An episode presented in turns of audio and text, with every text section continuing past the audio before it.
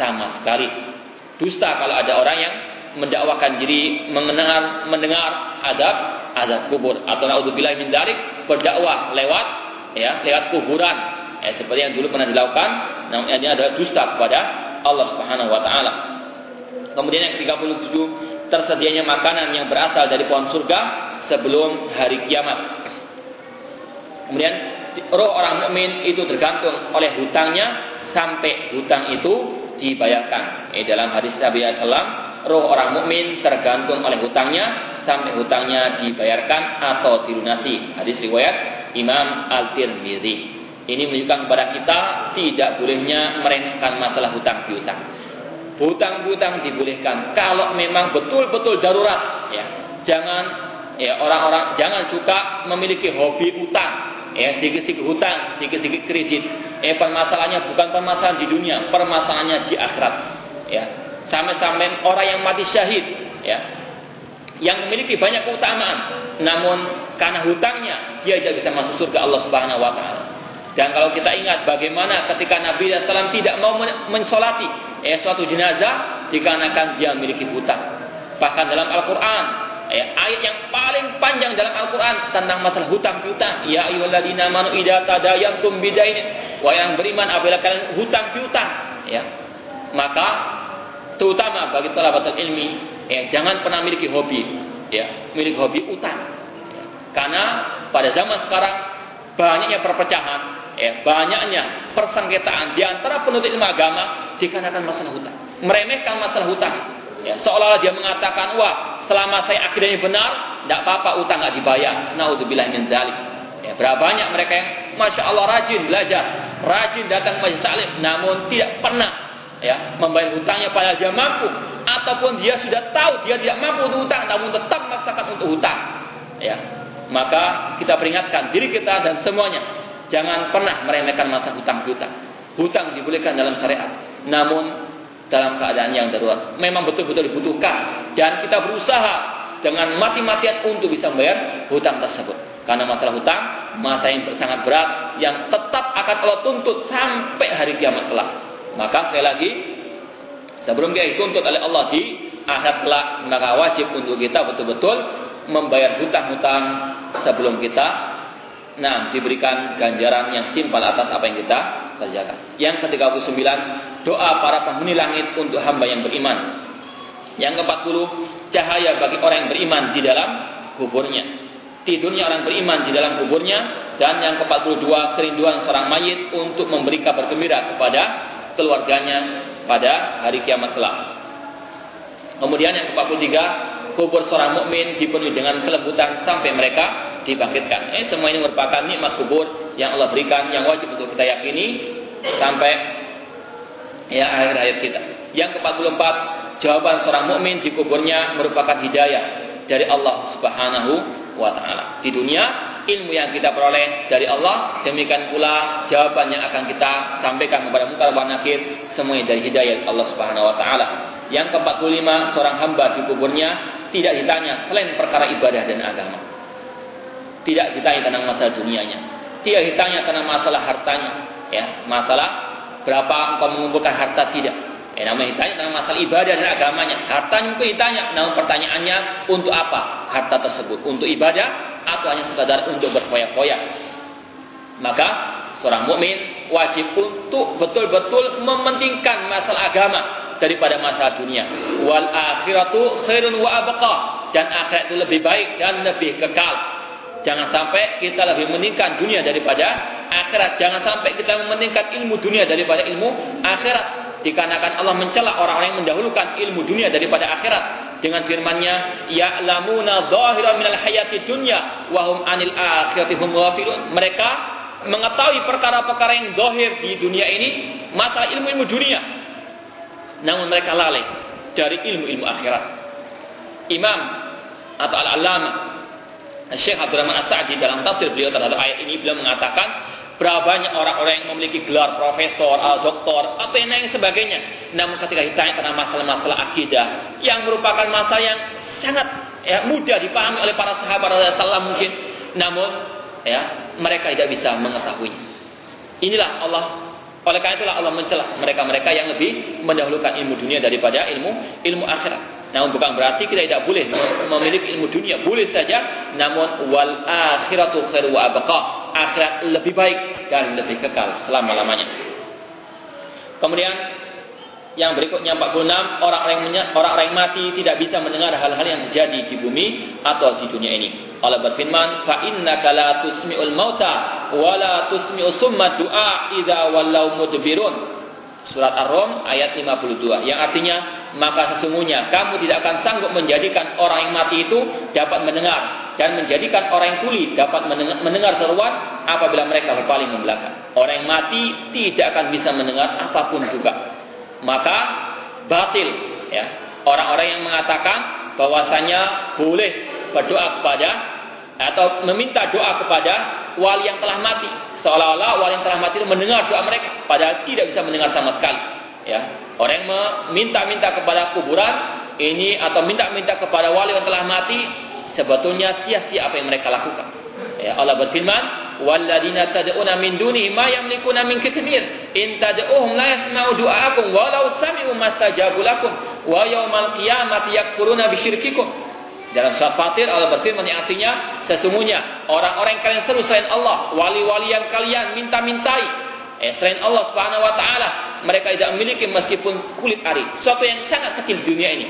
Ya. Inta inta da'uhum mau doa. Seandainya kalian berdoa kepada mereka, mereka wali-wali yang telah mati tersebut tidak bisa mendengar doa kalian. Nabi tidak bisa mendengar doa kita. Ya. Wali, kiai, habib, ustaz ataupun siapa pun yang mati tidak akan bisa mendengar doa orang yang meminta doa kepadanya. Inta da'uhum la yasma'u doakum. Jika kalian berdoa kepada mereka, mereka tidak bisa mendengar doa kalian. Walau sami'u seandainya mereka mendengar doa kalian mastajabu lakum. Tidak bisa mengijabahi doa kalian. Itulah kesyirikan kepada Allah Subhanahu wa taala yaitu meminta-minta kepada wali-wali yang telah mati ataupun kepada Nabi Muhammad SAW. Maka ini adalah suatu kesyirikan. Nabi tidak bisa mendengar suara atau doa orang yang berdoa kepada kepada beliau. Yang ke-47, roh-rohnya orang kafir yang terbunuh pada perang Badar mendengar perkataan Nabi SAW dan ketidakmampuan mereka untuk menjawab. Ini di antara kekhususan Nabi Shallallahu Alaihi Wasallam. Eh, ketika beliau telah menang perang pada perang Badar, eh, beliau berdialog dengan orang-orang atau tokoh-tokoh Quraisy yang kafir, yang musyrik, ketika dia, mereka telah terbunuh di perang Badar. Eh, Nabi SAW berdialog dengan mereka, namun mereka bisa mendengar, tidak bisa menjawab ucapan Nabi Shallallahu Alaihi Wasallam. Ini hanya kekhususan bagi Nabi Shallallahu Alaihi Wasallam. Dikarenakan para sahabat yang paling mulia Abu Bakar Siddiq dan seterusnya tidak bisa memperdengarkan suaranya ucapannya kepada orang-orang yang telah mati. Ya ini menunjukkan khusus kekhususan bagi Nabi Shallallahu Alaihi Wasallam saja. Yang ke-48 kerinduan para sahabat atau yang mati syahid di jalan Allah di alam barzah untuk mengabarkan kepada saudara-saudara mereka yang belum meninggal dunia tentang kemuliaan yang telah dijanjikan Allah Taala kepada para asyuhada. Ya orang yang mati dalam keadaan syahid ya betul-betul betul-betul syahid betul-betul jalan Allah Subhanahu wa taala betul-betul berjihad di atas sunnah Rasul sallallahu alaihi wasallam maka mereka memiliki keutamaan yang sangat banyak terutama di alam barzah nanti insyaallah akan kita sampaikan. Adapun bab yang keempat azab fisik di alam kubur untuk orang yang bermaksiat. Ini artinya panjang lebar yang disimpulkan nanti pada bab yang kelima yaitu di antara dosa-dosa yang menyebabkan pelaku maksiat disiksa di alam kubur. Ya, ada dosa-dosa yang disebutkan secara khusus merupakan penyebab diazabnya manusia di alam kuburnya. Ini disampaikan agar betul-betul kita menjauhi perbuatan-perbuatan ini jangan sampai kita dijadikan sebagai orang-orang yang diadab di alam kuburnya. Yang pertama di antara dosa yang merupakan sebab di adat kubur yaitu yang pertama azab bagi orang yang mempelajari Al-Quran lalu menolaknya dan dia tidur dalam keadaan melalaikan salat yang wajib. Ya, hafal Al-Quran, mempelajari Al-Quran, namun justru bukan untuk membela Al-Quran, bukan untuk mendakwakan Al-Quran, namun diingkari, ditolak, tidak diamalkan apa yang ada dalam di dalamnya. Ini adalah suatu hal yang sangat nista ya. Makanya Nabi mengatakan Al-Qur'anu hujjatun laka au alaik. Al-Qur'an itu hujjah atasmu ataupun menjadi hujjah atas uh, Al-Qur'an adalah hujjah bagimu ataupun hujjah atasmu. Eh Al-Qur'an bisa menolong kita kalau kita betul-betul membacanya, mempelajari dan mengamalkan Al-Quran dan membenarkan apa yang ada dalam Al-Quran. Namun sebaliknya Al-Quran bisa menjadi bumerang atas kita kalau kita mempelajarinya. Namun untuk kita ingkari apa yang ada di dalam di dalam. Oleh karena itulah jangan kita mudah tertipu dahulu dengan mereka-mereka yang masya Allah baca Al-Qurannya, mungkin mereka hafal Al-Quran dan seterusnya. Namun justru Al-Quran menjadi hujatun alaih, menjadi hujah bumerang atasnya, dikarenakan dia tidak mengamalkan apa yang ada di dalam Al-Quran tersebut. Ya. Oleh karena itulah kalau kita lihat orang-orang khawarij sebagaimana yang disebutkan oleh Nabi sallallahu alaihi wasallam yaqra'una al-Qur'an. Mereka orang-orang khawarij yang suka membantai kaum muslimin yang suka mengkafirkan penguasa kaum muslimin mereka yaqra'ul Qur'an ya. Rajin baca Al-Qur'an mereka rajin ibadah. Bahkan mereka mungkin hafal Al-Qur'an. Eh, di antaranya Abdurrahman bin Mulja ya yang membunuh Ali bin Abi Thalib. Dia seorang qari seorang ahli dalam baca Al-Qur'an. Bahkan Umar bin Khattab radhiyallahu anhu sempat menjadikannya dia sebagai guru dalam masalah Al-Qur'an ya. Namun karena Al-Quran tidak dia jadikan sebagai pedomannya, maka dia pun ya, masuk ke dalam pemikiran Al-Khawarid yang sampai akhirnya dia membunuh Ali bin Abi Thalib radhiyallahu taala Maka sekali lagi Al-Quran eh bukan yang sekedar dibaca, Al-Quran bukan yang sekedar dipelajari namun untuk kita amalkan, untuk kita pahami dan kita yakini serta kita dakwakan dan kita bela sampai tersara penghabisan. Kemudian yang kedua, adab orang yang yang berdusta. Ini adalah suatu hal yang sangat berbahaya. Nabi bersabda, "Innal kadhiba yahdi ilal fujur." Bahwasanya dusta itu menjerumuskan manusia kepada kefajiran, kemaksiatan. Wa innal fujura yahdi ilal nar. Dan bahwasanya kefajiran itu menuju kepada api neraka. Sebabnya dusta. Dusta terhadap manusia, dusta terhadap diri sendiri, dusta terhadap Allah Subhanahu wa taala. Maka wajib untuk kita menjauhi dari sifat dusta ini. Yang ketiga, adab bagi para pezina laki-laki dan perempuan. Di antara sebab adab kubur adalah perzinahan yang banyak merajalela di atas muka bumi. Naudzubillah min dzalik. Yang keempat, adab bagi pemakan pemakan riba. Riba ya atau yang lebih banyak sekarang dikenal dengan rentenir dan sebagainya atau yang semisal dengannya maka di antara ya manfaat mereka mengambil riba yaitu azab di alam alam kuburnya. Ini adalah suatu peringatan dari Nabi Shallallahu Alaihi Wasallam. Eh bahkan dalam Al-Quran Allah sendiri mengatakan dengan sangat tegasnya, Ya ayuhalladzina amanu taqullaha wa zaru ma baqiya minar riba in kuntum mu'minin. Fa illam taf'alu fa'zanu biharbin minallahi wa rasul. Wahai orang yang beriman, bertakwalah kepada Allah, takutlah kepada Allah wa zaru ma baqiya riba tinggalkanlah sisa-sisa riba bagi kalian jika kalian memang beriman kepada Allah Subhanahu wa taala. Fa ilam taf'alu. Jika kalian tidak mau melakukannya, tidak mau meninggalkan riba dengan kalian mengetahui fa'zanu biharbi Allah, maka umumkanlah perang kepada Allah Subhanahu wa taala. Maka tidak akan bisa orang tersebut mengalahkan Allah. Nauzubillah min dzalik, maka justru sebaliknya mereka akan diadab oleh Allah di dunia, di akhirat dan juga di alam barzahnya. Maka wajib untuk seorang muslim, terutama para penuntut agama untuk betul menjauhkan diri dari segala bentuk riba yang mana telah banyak merajalela di muka bumi ini. Kemudian yang kelima di antara dosa yang menyebabkan adab kubur yaitu orang yang tidak bersuci dari air kencing. Dan ini fenomena yang tidak bisa kita menutup mata darinya. Ya, berapa banyak jalan-jalan orang-orang yang nah menjerumuskan dirinya ke dalam azab api neraka dan juga azab di alam kuburnya. Kencing tidak mau disi, uh, tidak mau dia mensucikan ya kemaluannya dari apa yang dia kotornya tersebut. Nabi mengatakan amatu adabil qabri minal bawl. Kebanyakan adab kubur berasal dari kencing, yaitu tidak dia nah mensucikan dirinya dari najis tersebut. Yang keenam, ditambahnya adab orang kafir dengan tangisan keluarganya kepadanya. Artinya orang kafir yang dia memerintahkan kepada keluarganya, mewasiatkan keluarganya untuk meratapinya dikala dia telah mati. Maka semakin Allah azab orang tersebut dikarenakan wasiatnya untuk dia diratapi di alam kuburnya. Adapun orang yang misalnya dia telah mewasiati ya keluarganya agar jangan sampai diratapi, agar jangan sampai dia terlalu ya me, uh, terlalu bersedia hati ketika telah tinggal dunia oleh saudaranya tersebut ya maka dia tidak akan diadab. Yang diadab karena ratapan orang yang mati, ratapan orang yang hidup, yaitu orang-orang yang mewasiatkan dirinya, uh, mewasiatkan keluarganya untuk diratapi ketika meninggal dunia. Maka selayaknya untuk misalnya seorang muslim ketika mau meninggal dunia, ketika dia melihat keluarganya itu nanti dikhawatirkan meratapinya untuk dia berwasiat, jangan sampai dia diratapi ketika telah meninggal dunia agar jangan sampai dia ditambahkan azab di alam kuburnya. Yang ketujuh, azab orang yang meninggal karena ia diratapi oleh keluarganya ini sama dengan yang yang tadi yaitu karena dia telah mewasiati ataupun tidak mau menegur keluarganya ketika mau meratapi dirinya misalnya ketika masih hidup. Yang kedelapan, azab orang yang meninggal disebabkan karena sebagian ucapan-ucapan keluarganya tentang dirinya. Yaitu terlalu berlebihan seperti yang sudah kita katakan tadi tentang masalah ratapan. Yang kesembilan, azab orang yang selalu mengadu domba atau membuat permusuhan di kalangan manusia ketika hidup di dunia ini. Nabi SAW pun telah mengancam la yadkhul jannata annamam.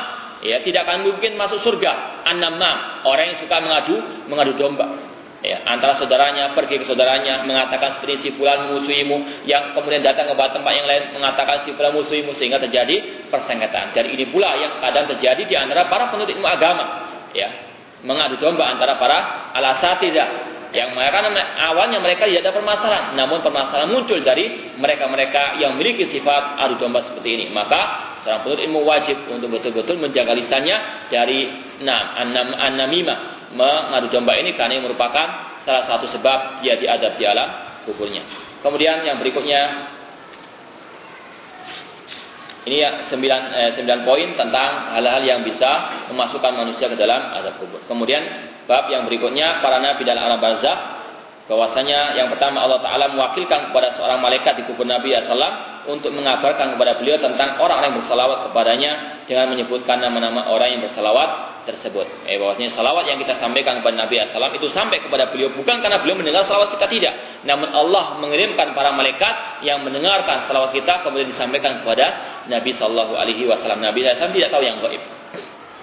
Kemudian yang kedua, bumi tidak makan jasad para para nabi. Ini di antara keutamaan al-anbiya bahwasanya jasad mereka tidak akan habis, tidak akan hancur dimakan bumi. Karena Allah menjaga jasad mereka di dunia dan di akhirat. Yang ketiga, para nabi di dalam kubur adalah dalam keadaan hidup. Ya, kalau orang syuhada, mereka hidup di kubur mereka, lebih lagi para para ambia. Ya, namun kehidupan mereka tentunya di kehidupan alam barzakh yang berbeda dengan kehidupan di dunia ini. Maka jangan pernah mengkiaskan hidupnya manusia di alam barzakh dengan manusia tidak di dunia ini. Oleh karena itu tidak benar kalau orang itu mengatakan para nabi itu mendengar doa orang yang berdoa kepada mereka. Karena mereka dalam keadaan hidup. Ya, kita katakan mereka hidup namun di kehidupan yang lain dari kehidupan dunia ini. Yang keempat, sholatnya para nabi di kubur-kubur mereka. Nabi mengatakan, Al-anbiya'u ahya'un fi kuburihim yusallun. Para nabi itu hidup di kubur-kubur mereka dalam keadaan sholat. Namun kita tidak pernah bisa melihat, tidak bisa ya memanca indera bagaimana sholatnya para nabi di kuburan ter, tersebut. Eh, cukup kita beriman para nabi di kuburan itu sholat. Eh, namun bagaimana? Wallahu taala alam. Kemudian yang kelima bertemunya Rasul SAW dengan Nabi Adam, Yahya, Isa, Yusuf, Idris, Harun, Musa dan Ibrahim alaihissalam. Yang keenam tangisan Nabi Musa alaihissalam di alam barzah dikarenakan rasa iri yang diperoleh diperbolehkan syariat. Kemudian yang ketujuh nasihat Nabi Musa kepada Rasul kita Muhammad SAW agar minta keringanan kepada Allah tentang salat yang diwajibkan kepada umatnya. Dan beliau membawakan riwayat yang sangat panjang yang silakan dibaca lagi nanti karena tidak mungkin kita membacanya. Kemudian yang berikutnya hal-hal yang bermanfaat untuk si mayit setelah ia meninggal dunia. Yaitu yang pertama mensolati orang yang telah meninggal dunia dan yang merupakan hukumnya fardu kifayah. Ini merupakan doa seorang muslim kepada kepada saudaranya yang telah meninggal dunia. Yang kedua, yang bermanfaat bagi orang yang telah meninggal dunia yaitu dengan berkumpulnya saudara-saudaranya kaum muslim setelah ia dikubur seukuran waktu disembelihnya seekor unta dan sampai dagingnya dibagi-bagikan. Artinya tidak tahu lama dia duduk di kuburan tersebut yang tujuannya mendoakannya, tujuannya memintakan maaf untuk orang yang telah meninggal dunia tersebut bukan dengan melakukan ritual-ritual yang yang bid'ah. Yang ketiga, mendoakan yang orang eh, mendoakan orang telah meninggal dunia tersebut langsung setelah dikubur dengan memohonkan ketetapan dan ampunan bagi si si mayat. Ini yang sudah kita sampaikan tadi. Nabi asal memerintahkan kepada para sahabatnya ketika menguburkan ya sahabat-sahabat beliau beliau cuma mengatakan istaghfirullah akhikum, mintalah ampun bagi saudara kalian dan mintalah kepada Allah ketetapan baginya karena dia sekarang telah atau sekarang dia ditanya. Ini yang selain untuk disampaikan kepada para jamaah dan tidak perlu untuk dibacakan ayat Al-Quran karena diharamkan membaca Al-Quran di pekuburan sebagaimana Nabi SAW bersabda la taj'alu buyutakum maqabir fa inna syaitan yafiru minal baiti yuqra fi suratul baqarah jadikanlah atau janganlah kalian menjadikan rumah-rumah kalian sebagaimana kuburan karena setan akan lari dari rumah yang dibacakan dalamnya surat Al-Baqarah. Artinya rumah itu dibacakan Al-Quran, sedangkan kuburan diharamkan dibacakan di dalamnya Al-Quran Al-Karim. Apakah itu Yasin atau Al-Baqarah atau yang lainnya diharamkan untuk dibaca di kuburan. Dan tidak pernah Nabi SAW ataupun para sahabat membaca Al-Quran di kuburan. Yang keempat, sodakoh jariah yang ia kerjakan semasa hidupnya, ilmu yang bermanfaat dan seorang anak yang soleh yang selalu mendoakan kebaikan baginya. Nabi bersabda, "Idza matal insanu in qata amaluhu illa min salat, sadaqatin jariyah au ilmin yuntafa'u bi awaladin salihin yaj'ula." Apabila manusia telah meninggal dunia, terputuslah amal ibadahnya kecuali tiga hal, yaitu sedekah jariah. Ya, sebagaimana misalnya membangun masjid, ya ketika masjid tersebut dipakai untuk orang sholat setiap hari dia tetap mendapatkan pahala meskipun dia telah meninggal meninggal dunia. Ya maka wajib untuk kita maka selayaknya untuk kita betul-betul memperhatikan harta yang kita telah memperolehnya nikmat dari Allah Subhanahu wa taala maka kita gunakan untuk bermanfaat bagi diri kita ketika hidup maupun ketika kita meninggal dunia. Yang ke berikutnya ilmu yang bermanfaat itu dengan kita belajar ilmu dan kita sampaikan ilmu tersebut. Ketika ilmu tersebut diamalkan, maka terus kita akan mendapat ganjarannya. Ya, sampai hari kiamat kelak. Kemudian waladin salih yaja'ulah dan anak soleh yang mendoakannya. Oleh karena itu, sejak dini seorang anak wajib untuk diajarkan berbakti kepada orang tua, diwajibkan untuk betul-betul menjadi anak yang soleh. Ya, kalau kita meremehkan masalah pendidikan anak, kita yang rugi. Ya, kalau kita sudah mati, kemudian anak kita menjadi anak yang toleh, tidak ada yang bermanfaat bagi kita. Ya, meskipun itu menjadi orang yang sangat kaya, menjadi orang yang sangat yang memiliki kedudukan di dunia, namun kalau dia bukan orang yang soleh, tidak akan mungkin mendoakan orang tuanya tersebut. Tidak bermanfaat kedudukannya, tidak akan bermanfaat hartanya. Maka yang bermanfaat adalah anak yang soleh yang mendoakan anak yang mendoakan ayahnya yang telah meninggal dunia. Oleh karena itulah manfaat mendidik anak sejak dini menjadi anak yang soleh agar kita menuai hasilnya di akhirat yaitu dengan kita didoakan oleh anak yang soleh tersebut. Yang kelima, di antara yang bermanfaat bagi orang tua yang telah meninggal dunia, yaitu sodakoh dari anaknya. Ini di antara amal yang dilakukan oleh manusia, kemudian disedekahkan pahalanya untuk yang telah mati. Ya, di antaranya permasalahan yaitu ibadah-ibadah. Di sini ada tiga pendapat, yaitu tentang apakah dibolehkan menghadiahkan pahala amal ibadah kepada orang yang telah meninggal dunia.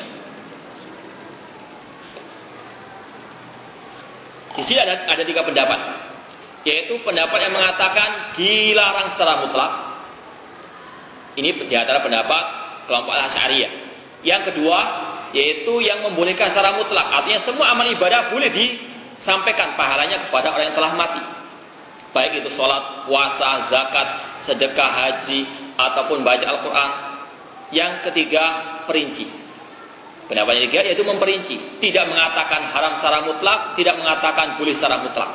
Namun diperinci. Perinciannya apa yang telah disebutkan dalam Al-Qur'an ataupun hadis secara dibolehkan, maka itulah yang dibolehkan. Yang tidak disebutkan dalam Al-Qur'an maka atau yang tidak disebutkan dalam hadis yang sahih maka tidak dibolehkan. Maka dilihat ya, misalnya haji. Anak yang misalnya sudah haji, dia sudah haji, kemudian dia mau haji yang kedua kali namun tujuannya untuk ya diberikan pahalanya untuk ayah yang telah meninggal dunia. Maka kata para boleh. Dikarenakan apa? Ada dasarnya ada dalilnya dari hadis Nabi Shallallahu Alaihi Wasallam. Demikian pula sodako.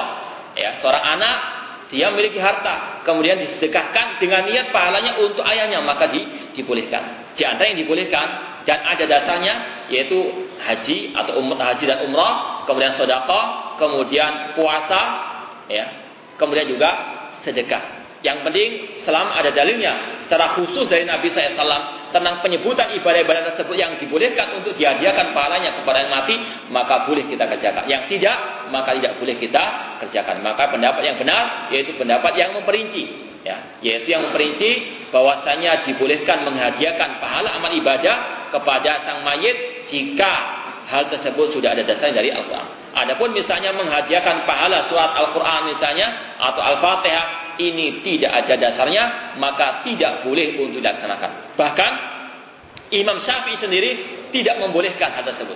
Dan Imam Nawawi sendiri yang bermadhab Syafi'i juga sependapat dengan Imam Syafi'i. Ya, bisa dilihat dalam syarah Sahih Muslim bahwasanya mazhabnya Imam Syafi'i tidak membolehkan untuk menghadiahkan pahala Al-Quran atau baca Al-Quran kepada sang mayit. Namun sangat disayangkan pengikut Syafi'iyah tidak tahu siapa itu Syafi'i, tidak tahu bagaimana pendapat Imam Syafi'i tentang masalah hal ini. Mereka pun menyelisih Imam Syafi'i dalam hal ini. Silakan lihat dalam kitab-kitabnya Imam Syafi'i ataupun kitab-kitabnya Imam Nawawi rahimahullah beliau tidak membolehkan untuk menghadiahkan pahala bacaan Al-Quran kepada sang mayit. Kemudian yang berikutnya adanya doa dan istighfar dari seluruh kaum muslimin dan mukminin. Yang ketujuh, amalan berjaganya seseorang ketika berperang di jalan Allah tatkala ia di dunia, yaitu orang-orang yang betul-betul berjihad di jalan Allah sesuai dengan sunnah Rasul Shallallahu Alaihi Wasallam. Kemudian hal-hal yang bisa menyelamatkan dari azab kubur. Jadi pembahasan eh, yang terakhir yang kita tutup dengan pembahasan ini yaitu hal-hal yang bisa menyelamatkan dari azab kubur. Yang pertama mati syahid di medan peperangan, yaitu peperangan yang betul-betul disyariatkan. Ya, ini kita ketekankan karena banyak sekali di kalangan para syabab, para pemuda yang mereka dengan semangat yang membara, mereka ya tahu mana itu perang dan mana itu fitnah. Sehingga terkadang mereka menyalahkan orang-orang yang melarang mereka untuk pergi ke medan fitnah, bukan medan perang sebetulnya. Ya, mereka mengira bahwasanya orang yang melarang tersebut tidak mau berjihad pada naudzubillah. Ya, kita semuanya wajib untuk memiliki keinginan untuk berjihad jalan Allah dan mati di atas jihad di jalan Allah Subhanahu wa taala sebagaimana para sahabat Rasul sallallahu alaihi wasallam. Namun jihad, perang merupakan ibadah kepada Allah yang membutuhkan ilmu, membutuhkan sunnah Rasul sallallahu alaihi wasallam. Man amila amalan laisa ali amna fahuwa raddun. Barang siapa yang beramal ibadah di antara jihad di jalan Allah, perang jalan Allah, namun tidak sesuai dengan jalan ajaranku, maka tertolak, percuma. Ya, maka wajib sebelum kita berjihad di jalan Allah wajib belajar tentang agama Allah Subhanahu wa taala agar betul-betul jihadnya kita jihad yang syar'i jihad jihad di atas ilmu Allah Subhanahu wa taala. Yang kedua, berjaga-jaga ketika berperang di, di jalan Allah yaitu di antara yang disebut dengan riba yaitu berjaga-jaga di perbatasan negeri mukmin dan negeri al-kafir. Mati karena sakit perut ini di antara sebab ya, orang tersebut akan diselamatkan dari azab al-qabr. Yang keempat membaca surat At-Tabarak yaitu surat Al-Mulk ya, pada juz yang ke-29. Ya, Nabi bersabda surat Tabarak adalah penghalang dari siksa kubur. Eh, maka kalau bisa kita menghafalkannya agar senantiasa kita bisa membacakannya dan berniat agar surat tersebut bisa menghalangi kita dari azab al-qabr. Yang kelima, meninggal dunia pada hari Jumat atau pada malam Jumat. Namun semua ini atas ya izin dari Allah Subhanahu wa taala karena manusia tidak bisa memilih kapan dia meninggal dunia. Kecuali orang-orang Syiar Rafidhah ya, mereka orang Syiar Rafidhah memiliki keyakinan bahwasanya imam-imam mereka itu tidaklah mati kecuali dengan pilihan mereka sendiri. Kapan matinya dan di tempat mana mereka mati.